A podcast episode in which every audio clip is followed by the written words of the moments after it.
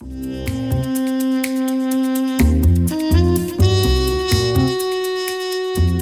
och välkommen till Transforming Business-podden. Katalysatorn för förändring och utveckling av företag och organisationer som vill få ut maximal nytta av IT och den snabba digitalisering som sköljer över samhället. Transforming.Businesspodden levereras av Bybrick Management. Idag är det jag, Ronald von Ven och min kollega Mats Hultman. Hej Mats! Hej Ronald! Hej! Kul att vara här igen. Ja, vad ska vi prata om? Jag tycker vi ska prata om eh, ett mycket ett ämne som, som är just nu kring digitalisering. Ja, vad kul. Det är intressant. Digitalisering kommer i många skepnader, eller hur? Ja, men det gör det. Och ni pratade ju om det här lite grann tidigare. Ja. Idag är det fokus på automatisering och robotisering. Ja, för, för va- varför, varför är det just intressant? Vad, vad händer eh, att vi, vi tar upp detta nu? Nej, men det händer väldigt mycket ute i organisationer idag när man tittar på hur man kan bli eh, mer effektiv, hur man kan bli fokuserad på rätt saker eh, och den typen av frågor. Mm. Och många tänker naturligtvis på det här med appar och mobilitet Ja, och sånt. precis. Men det finns ju många andra former som digitalisering kan ha också, som vi ska prata om. Mm, jättebra. För er lyssnare så är det så att uh, ni kommer få möjlighet att ladda ner en liten lathund om de funderingar och beslut och steg man uh, ska uh, gå igenom för att bestämma hur man kommer vidare i den frågan kring automatisering och robotisering. Den finns på vår hemsida att ladda ner. Idag kommer vi alltså belysa automatisering och robotisering som två skepnader av digitalisering i samhället. Vi kommer att prata om vad det innebär, hur det hänger ihop i en digitaliseringsresa och hur man eh, bör tänka för att komma vidare i frågan. Mm. Jag, jag tycker också det är intressant här vilka målgrupper det är som har fokus på det. här. För vi vänder oss ju väldigt mycket till CAO, vi jobbar med Ja, eh, ofta över gränslandet mellan verksamhet och IT. De som vi kallar komplexitetsägare som sitter på utmaningar kring det precis. Men här ser vi också att alla som jobbar med verksamhetsutveckling på kanske mer på verksamhetssidan har ett jätteintresse kring det här och vad det kan göra för, för Mm. oss. Att- Det, det stämmer, för det, det, oftast kommer frågan, den, den landar någonstans eller den snurrar runt i organisationen det, men ingen riktigt kan ta tag i det. Det är ingen, inte bara en IT-fråga. Digitalisering är just, ju ännu mer en kulturfråga, en, en samhällsfråga. Hur vill vi egentligen fortsätta att, att eh, samarbeta med våra kunder eller med våra intressenter? Och det, det är den biten som gör att man inte alltid kan peka ut en person eller en del i organisationen som ska ta tag i digitalisering, i automatisering. Ja, men så är det ju. Och, Mm. och digitalisering är ju definitivt inte en IT-fråga utan det är ju en Mm. fråga för verksamhet och IT tillsammans. Ja. Och, och när man frigör den kraften och får ihop den engagemanget. Ja, det precis. Och ibland eh, går det till och med hela vägen ut till hu- hur man egentligen modellerar sin verksamhet kring de här digitala förmågor som, som nu dyker upp. Mm. Um, the sky is the limit när det gäller det. Modellise- Modellering är ett intressant område som vi säkert kommer att prata med vidare Ja. med i den här podden lite grann också. Absolut. Mm. Okej, ehm, låt oss ju dyka lite djupare in i, i ämnet om, om Mm. vad är automatisering? Ja, det kan man ju fråga sig vad definitionen på det är. Men någonstans handlar det ju naturligtvis om att vi, vi översätter någon form av manuellt arbete till någonting som sker automatiskt utan Är att vi det- behöver lägga händerna på det. Ja, är, är det enbart en IT-fråga? Automatiserar man bara inom IT? Nej, men man automatiserar ju väldigt mycket med hjälp av IT. Ja. Så att eh, IT är ju en bärare utav och en förmåga Mm. till att kunna automatisera i många sammanhang. Det Man, man känner igen det från, från produktionsområdet där man eh, genom att automatisera ehm, eh, att man, man ökar förmågan att producera fortare och snabbare och med, med, ja, med en jämn kvalitet. Eller så är det hur? ju. Absolut, så är det. Finns det fler exempel på automatisering än, än produktionen? Ja men det gör det naturligtvis inom alla områden. Och jag menar, inom eh, finansvärlden idag, som, bara som ett exempel, så automatiserar man ju aktiehandel och sånt där. Det är robotar och, Mm. Och automatisk hantering utav det. Vi har ett annat exempel naturligtvis mer och mer trafikledning utav uh, olika slag, flyg, eh, sjöfart och så vidare. är, är ja. mer och mer utav automatisering. Vi ser det ska jag säga, överallt egentligen. Ja, precis. På det sättet. Precis, och det är, det är där att, att uh, IT kommer in efter att verksamheten egentligen har bestämt sig för att det här är viktigt att, att göra oftare eller fortare eller med mer kvalitet, mera, mera noggrann. Och för att underlätta så mm. att de människorna som jobbar med det faktiskt kan frigöra tid för övervakning eller för anpassning eller för avvikelse och så mm. vidare. Och det är viktiga aspekter. Mm. Vad ska man tänka på när man står inför frågan om, om att automatisera? Varför, varför vill man göra det förutom det jag precis nämnde, att man vill göra det fortare? Finns det andra sådana? Det man måste tänka på helt enkelt är att man måste förstå vad det man ska göra manuellt först innan man kan automatisera det. Mm. Och det är väl ofta en utmaning ja. man kommer till in i verksamheter där man inte lika tydligt har processer och strukturer som styr hur man gör. Mm. Om du inte har en struktur för hur du ska göra manuellt så är det ju oerhört svårt att översätta det i någonting som blir automatiskt. Så det ser vi i alla sammanhang. Du måste förstå vad du gör, du måste kunna definiera det, du måste kunna beskriva mm, det. Mm, mm. Och du måste naturligtvis förstå hur man kan göra det mer automatiskt och vilka verktyg och så vidare man kan använda för det. Mm. Vad får man tillbaka för det? Det är inte bara massa ja, nya program som man måste ta hand om flyttar man inte bara sin, sin, sitt fokus från att göra saker och ting själv till att ja, nu ska vi ja, kontrollera en applikation.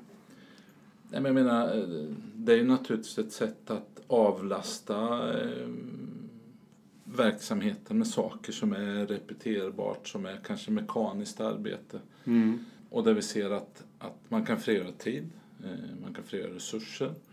Eh, man kan naturligtvis snabba upp, precis som du är inne på. Eh, mm, mm. Otroligt mycket snabbare göra saker som, som kanske tar flera timmar att göra manuellt till, till att ta sekunder att göra automatiskt. Eh, det finns goda exempel. Jämförelsen är enkel att jämföra med tillverkningsindustrin som på 30-40-talet. Mm, mm. redan från liksom Henry Fords tid när han började tillverka bilar på löpande band ja. gick ifrån ett hantverksmanuellt arbete till att göra det repetitivt, strukturerat. Eh, kanske inte så jätteautomatiserat då, men det har ju kommit successivt. Mm. Under förra århundradet när vi började uppfinna robotar som kunde svetsa eh, plåt och ja, vad det nu än må vara. Precis. Så sker det, det idag liksom till en tiondel av tiden mm. och kostnaden som det är att man skulle ha gjort det manuellt. Mm. Och den typen av effekter kan man ju se även på annat håll. Den möjligheten finns även inom administrativ IT eller administration och andra typer utav, utav inte bara så att produktion utav produkter utan mm. även hur vi levererar tjänster. Och hur vi... Ja, en sak som jag tänker själv på det är att när man automatiserar så blir beroendet på uh, individerna blir mycket mindre. Beroendet på geografin blir också mycket mindre. Mm. För plötsligt kan man anropa den förmågan utifrån ja, ja, vart man nu än befinner sig på, på jorden. Mm. Jag kan ju till exempel, om du nämnde det här med finans, jag kan ju uh, utföra mina bankärenden oavsett var jag befinner mig med hjälp av min telefon. Mm. Och det är ju en, en automatisering. Bankvärlden är ju ett klockrent exempel på den stora förändring som skett ja. med digitalisering. Och jag menar, där är vi idag vi som gör bankens jobb i mångt och mycket. Då kommer man ju inte ja. bara in till automatisering utan man kommer till självbetjäning och låta kunden göra jobbet. Och, ja, precis. Och där man kommit långt och en av effekterna som man ser där nu det är ju det exemplet som jag läst en del om Nordea som faktiskt plockar bort en massa folk. Eh, ja, 6000 pers var ja, det va? Ja. Och det är ju inte beroende på att man går dåligt, det är beroende på att man har investerat ett antal miljarder i att digitalisera och förändra sin IT och skapa förutsättningar för att, att automatisera och robotisera processer och arbetet som tidigare skett manuellt på banken. Ja, till exempel med inmatning av siffror mm. till exempel. Absolut. Och vissa handelsegenskaper som, som går att automatisera eller Amen. till och med robotisera. Mm. För finns det någon, någon... När går man över från automatisering in i robotisering? Alltså robotisering är ju en, en, ett sätt att tillämpa automatisering. Eh, och skillnaden kan man säga mellan automatisering på andra sätt som vi ofta tänker oss kring IT. Vi integrerar system med varandra. Mm. Vi bygger system som automatiskt kan hantera flöden. Ja. Det är ju att robotiseringen mer utgår ifrån det vi har och det vi gör idag. Men vi låter en, en, en robot göra samma sak. Mm. Det är lite grann ungefär som en robotdammsugare eller en robotgräsklippare. Ja, men vi dammsuger fortfarande vårt hus på, och, och, och vi klipper på gräsmatta. Ja. Men istället för att du själv går med gräsklipparen fram och tillbaka så låter du en robot göra det. Precis, eh, så du, du bygger in en viss intelligens i, i din automatisering. Det gör det ju. Ja. Absolut. Men just, just att, att man, man faktiskt kan utföra manuellt arbete automatiskt om jag uttrycker mm. så. Inte bara att man uppfinner nya IT-system utan man faktiskt även kan knyta ihop de här manuella rutinerna som du var inne på. Mm. Hämta data ur något, något system, eh, klippa och klistra in i ett annat eller vad det nu är. Som mm. kanske är svårt och kanske kostar otroligt mycket pengar att göra den integrationen. Ja, precis. Att istället då låta en, en robot faktiskt göra det manuella arbetet men göra det mycket fortare, med, med en högre kvalitet och precision och göra det utan att en människa är inblandad. Ja, precis. Och, och därmed minskar du också själva um, effektinhämtning av att nu robotiserar vi istället för att vi startar ett stort projekt för att skapa ett nytt affär, äh, införa ett nytt affärssystem. Sorry. Som, som ja, det har vi sett, det kan ta flera år ibland mm. till man har fått ut nyttan. Och då avväger man om om den investeringen är nödvändig eller om man kan fortsätta med de befintliga system men nyttja dem med hjälp av den här roboten. Nya. Precis. Så. Ja. Och det är en spännande um, utveckling för då översätter man egentligen individernas, alltså medarbetarnas aktiviteter in i, i en automatiseringsenhet, mm. alltså i, i, i, en applikation också det. Mm. Och det är det som händer till exempel på på Nordea. Det är det som händer på till exempel kommuner. Absolut, och kommuner är ju i en situation när man, man ofta har begränsade resurser och medel. Eh, man kanske till och med har tuffa krav på sig att, att göra mer för samma pengar eller göra mer med samma resurser. Eh, man har utmaningar i att man har kanske personer som lägger alldeles för mycket administrativ tid på mm. saker istället för att ägna en tid åt eh, medborgare, klienter, brukare, vad man nu kallar det. Så, så från kommuner är det som jag ser ett jättestort intresse att se vad kan man göra. Man kanske mm. inte har kraften och, och, resurserna att göra de här stora systemövergripande sakerna. Man sitter ofta i kommunspecifika system och lösningar där man är ganska mm. låst till mm. vad de leverantörerna har att erbjuda. Eh, och då är robotisering jätteintressant för här kan man verkligen översätta en handläggares arbete i något ja. som sker per automatik. Och den handläggaren kan då exempelvis lägga den tiden istället på att träffa sina klienter eller ja. ägna sig åt värdeskapande mm. aktivitet. Precis, och det, det, det är ju massor med fördelar. Finns det nackdelar direkt? Nackdelar finns ju utmaningar och risker. Mm. Mm. Och en risk är ju naturligtvis att i alla den här typen av förändringar så är det människor inblandade. Ja. Det är den stora risken skulle jag säga. Att, att människor uppfattar att här kommer någon att ta mitt jobb, här kommer någon att och, och göra mig arbetslös. Det är väl en, skrämmande. Väldigt skrämmande så. Ja. Och, så det är en, en absolut risk som man måste hantera. Och det är ju, som vi vet, det handlar ju mycket om hur vi kommunicerar, hur ja. vi engagerar människor att faktiskt vara delaktiga i den förändringsresan. Mm. Och så. Det knyter mm. tillbaka till mycket av det vi pratar om kring kultur och, och ledarskap och förmågan att, att faktiskt få, få människor med sig i förändringsarbetet. Precis ja. som i många andra sammanhang. Precis som i många andra sammanhang. Och det, det är just där att vi, vi brukar lägga vårt krut. För vi är ju ingen applikationsutvecklare eller automatiseringsexperter. Men det är det här införandet som, som, vi, som, som vi jobbar med för att lyfta de här riskerna och hantera dem. Ja. Um, alldeles strax kommer vi prata om de frågeställningar som en organisation, en CIO eller en den som ansvarar för um, automatiseringsfrågan inom en organisation måste ställa sig, måste hantera för att egentligen komma vidare i, i den frågan för att förstå vad bör jag göra nu. Mm. Det kommer ni få höra alldeles strax.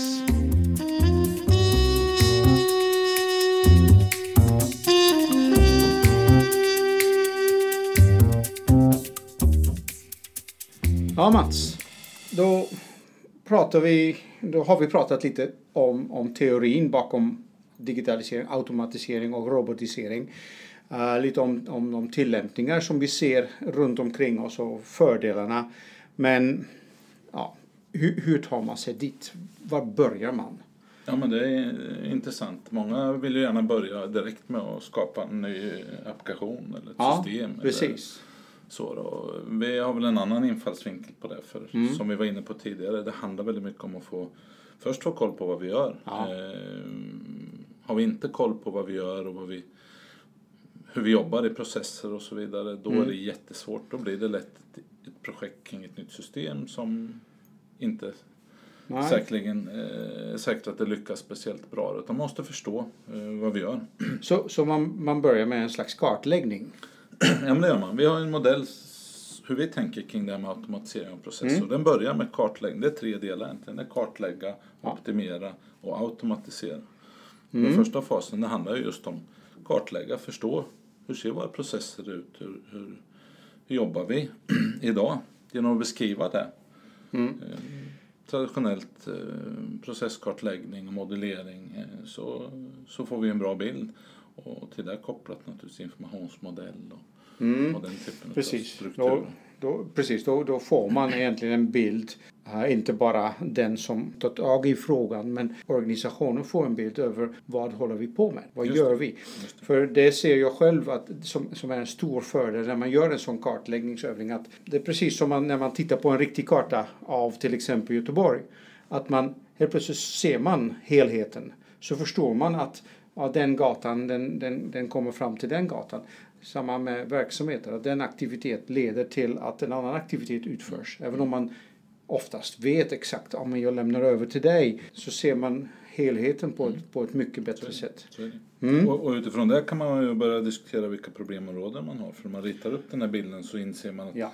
kartan är inte komplett och det hänger inte ihop. Här skakar vi inte hand, eller vi, vi förväntar oss att, saker, att vissa saker stämmer ihop. Mm. Och det, mm, det är bieffekt som, mm. som är väldigt positivt. Mm. mm. Så där jobbar vi med det. Eh, ja. Problemformulering och, och titta på vilka potentiella förbättringsområden och möjligheter det finns ja. då i, i eh, kopplat till den här kartläggningen. Så vi får ett nuläge och en förståelse för vad det gör ont och vad vi kan göra Precis. bättre. Samtidigt så känner jag oftast att det där skapar också en delaktighet som tar bort en del av de rädslorna som, som, som kan finnas. För att man ser att, ja men vänta lite, jag kan bidra och jag håller på att förbättra mm. istället för att jag håller på att bli oviktig. Mm. Mm. Vad är nästa steg?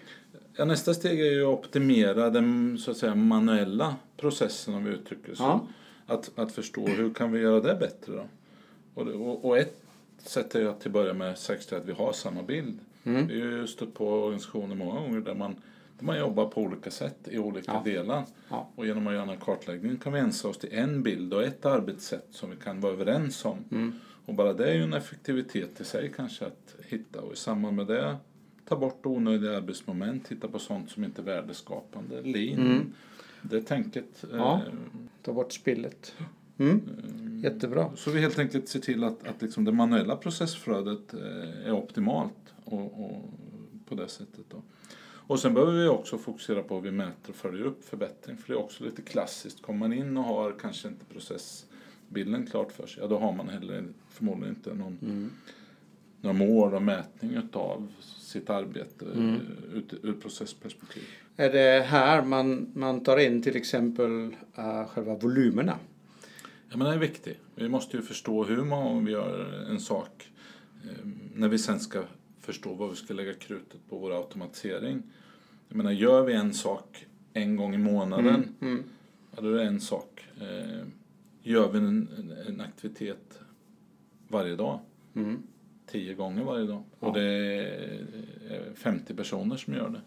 Ja. Så är det en helt annan volym. Och det här ger oss ju naturligtvis svaret på var bör vi lägga krutet? Var har vi eh, den största förbättrings och vinsten i ett automatiseringsprojekt? Och även när man till exempel ser att en aktivitet förekommer lite ostrukturerad men i stora mängder. Mm.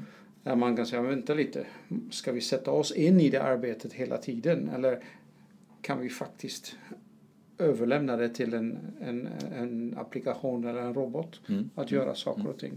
Mm. Mm. För, för då, då kommer man in i, i tredje steget. När man, Precis. När man har gjort den här optimeringsbedömningen av vad kan vi förbättra.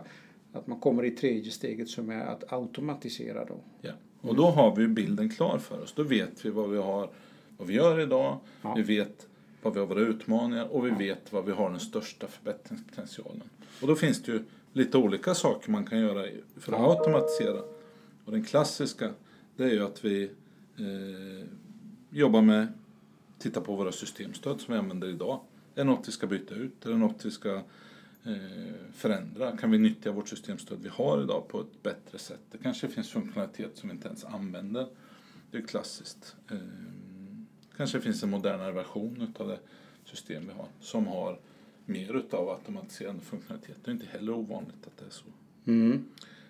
Vi kan titta på självbetjäningsperspektivet. Ofta eh, har vi ju kunder involverade, eller vi har kunder involverade i våra processer, interna Ja. eller externa.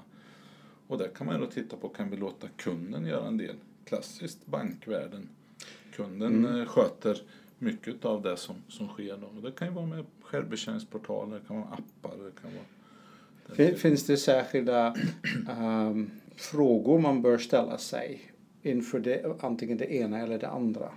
Är det interaktiviteten mellan handläggaren och klienten som, som är det viktiga? Är det, är det kvaliteten till exempel? Om jag måste lyssna på dina uppgifter då kommer jag knappa in det felaktigt. Det är bättre att du gör det själv. Jag tror framförallt det handlar om att, att, att titta på vad som är värdeskapande både ur, vårt eget perspektiv och ur kundens perspektiv. Det vet vi ju själva eh, om man tar verksamhet som är kopplad till kunder i form av där kunden själv kan göra saker. Jag är i alla fall sån att jag vill ju gärna kunna gå in och lägga in i ett system eh, saker och ting. Jag eh, blev påkörd med min bil igår som ett exempel. Ja och hos mitt försäkringsbolag fanns det istället för pappersblankett så fanns det en väldigt smidig självbetjäningsportal där jag lägger upp mitt ärende och talar om vilka skador det blev och vem som eventuellt var vållande och så vidare. Eh, Mm. Jättesmidigt och jag tycker som kund att det är ett värde för mig att göra det. Jag vet att jag kan beskriva det direkt här.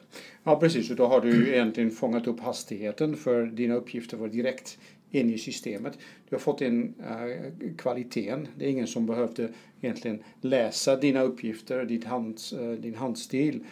Och um, ja, det, det, det är främst de, de två bitar som, som är viktiga då. Men egentligen gör du fortfarande som, som uh, kund, som um, gör du fortfarande samma steg. För du fyller i en blankett, men nu är det på webben. Um, jag ser tvärtom ibland att mm, jag har en fråga till till, till exempel min, min, min bankman som inte jag kan ehm, ställa till, inte ens till kundtjänsten för de vet inte exakt eh, hur, hur de ska lösa det. Och då är jag väldigt glad att min bankman inte behöver knappa in saker och ting. Han har tid att faktiskt eh, finnas tillgänglig. Och en del av den här automatiseringen som, som finns är att jag faktiskt kan ehm, boka en tid i hans kalender Mm. När det passar mig. Mm. Så det, det finns otroligt många olika sätt att automatisera men de börjar med, som du var inne på, med, med värdet, med behovet där ute hos kund. Mm. Och ehm, fortfarande är det inte så mycket robotiserat där.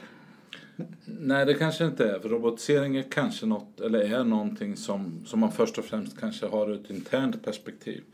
Där är vi tillbaka till att det är en fjärde väg att gå. Då. Vi pratat om systemförändringar, vi har pratat om självbetjäning. Det tredje som jag säger innan är ju att integration mellan system är också Ja. en viktig bit att titta på. Kan vi knyta ihop våra system på ett sätt som gör att vi slipper göra manuella överföringar emellan. Mm. Vi kanske har in data i ett verksamhetssystem som ska in i ett ekonomisystem eller från ett verksamhetssystem till ett annat. Ja. Där är integration naturligtvis en viktig del. Men robotisering, det kan ju vara då det fjärde lite mer avvikande sättet att lösa Mm.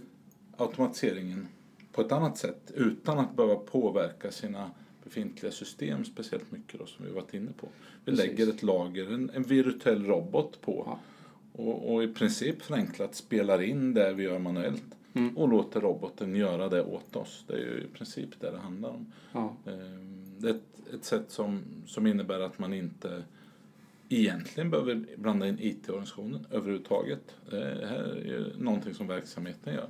Visst, det kanske är något litet program som ska installeras men det är inte de här stora transformationsprojekt, IT-projekten det handlar om. Precis, precis. Och det är mycket närmare verksamheten. För att det är verksamheten som egentligen ska ja, automatiseras. Ja. Ja, jag, jag gillar det här upplägget med att, att kartlägga, optimera och sen automatisera. Det, det hänger ihop med, med, med vår mantra som, som är att skapa struktur, transparens och sen att hantera ledningen. Att, så att man faktiskt genomför det man har förberett. Mm. Tror du att alla är, är redo för automatiseringsresan? Det är ju, det är ju ständigt eh, förändring så ser vi saker och det är kul att se i backspegeln. Eh, hade en diskussion idag på lunchen med några jag mötte kring just det hur gjorde vi förr? Ja. Eh, och, och vi har sett exempel på när, när jag jobbade tillbaka till 90-talet när vi, man införde e-post som var någonting som var helt nytt och främmande för många. Ja, precis. Eh, Och där man kanske och med skrev ut sina e-post och satt i, i pärm. Jag har exempel på, på, på människor som har gjort det. Och, Ja, och, och där det var oerhört svårt för IT-organisationer eh, att få ut det här med att använda e-post. För att eh, jag jobbade med en kund där man hade en ledning, en, en eh, verksamhetsledning som inte alls förstod vad man skulle ha det här till. Och, herregud, vi har ju skickat våra PM i papper i alla år och, jag vill inte ha någon data på skrivbordet och så vidare. ja. Och det är samma sak vi ser idag. Eh, utmaningen är att, att mogna, förändras eh, och, och, och IT, IT kommer att att vara en allt viktigare del i, saker och ting vi gör. ja, precis. Och då är man nästan inne på det som vi började med. Att, att digitalisering och automatisering, robotisering är en kulturfråga. Absolut. Det är en samhällsför, eh, samhällsförändring som, som eh, sker där inte bara själva applikationen är det viktiga men vad ska man ha till det för? Vad, Värdet utav det, resultatet. Värdet, ja. Absolut. Och, och mycket ledningsfråga naturligtvis. Att, Mm. att driva eh, tillbaka till vad är målbilden med det vi gör, vad- vart ska vi och så vidare. Och hur Ja. kan digitalisering hjälpa oss att bli bättre, lönsammare, mer konkurrenskraftiga, vad det nu må vara, beroende på vilken verksamhet man sitter i. Precis. Jättebra Mats, det var jättekul att eh, prata kring detta ämne. Um, som vi nämnde så finns det en liten lathund kring automatisering av processer att ladda ner. Och vi vill tacka våra lyssnare för att um, uh, ni har varit med om detta. Um, det finns flera poddar att lyssna på och det kommer ännu fler. Och vi kan redan nu nämna att vi kommer att prata om portföljhantering nästa gång. Spännande, det vill jag ja. lyssna på. Absolut. Men sätt på din engelska högtalare för det kommer, jag kommer att bjuda in vår eng- amerikanska kollega Todd då. Så vi pratar på engelska där. Spännande. Ja. Ser fram emot det. Yes. Okej, hej då! Hej då!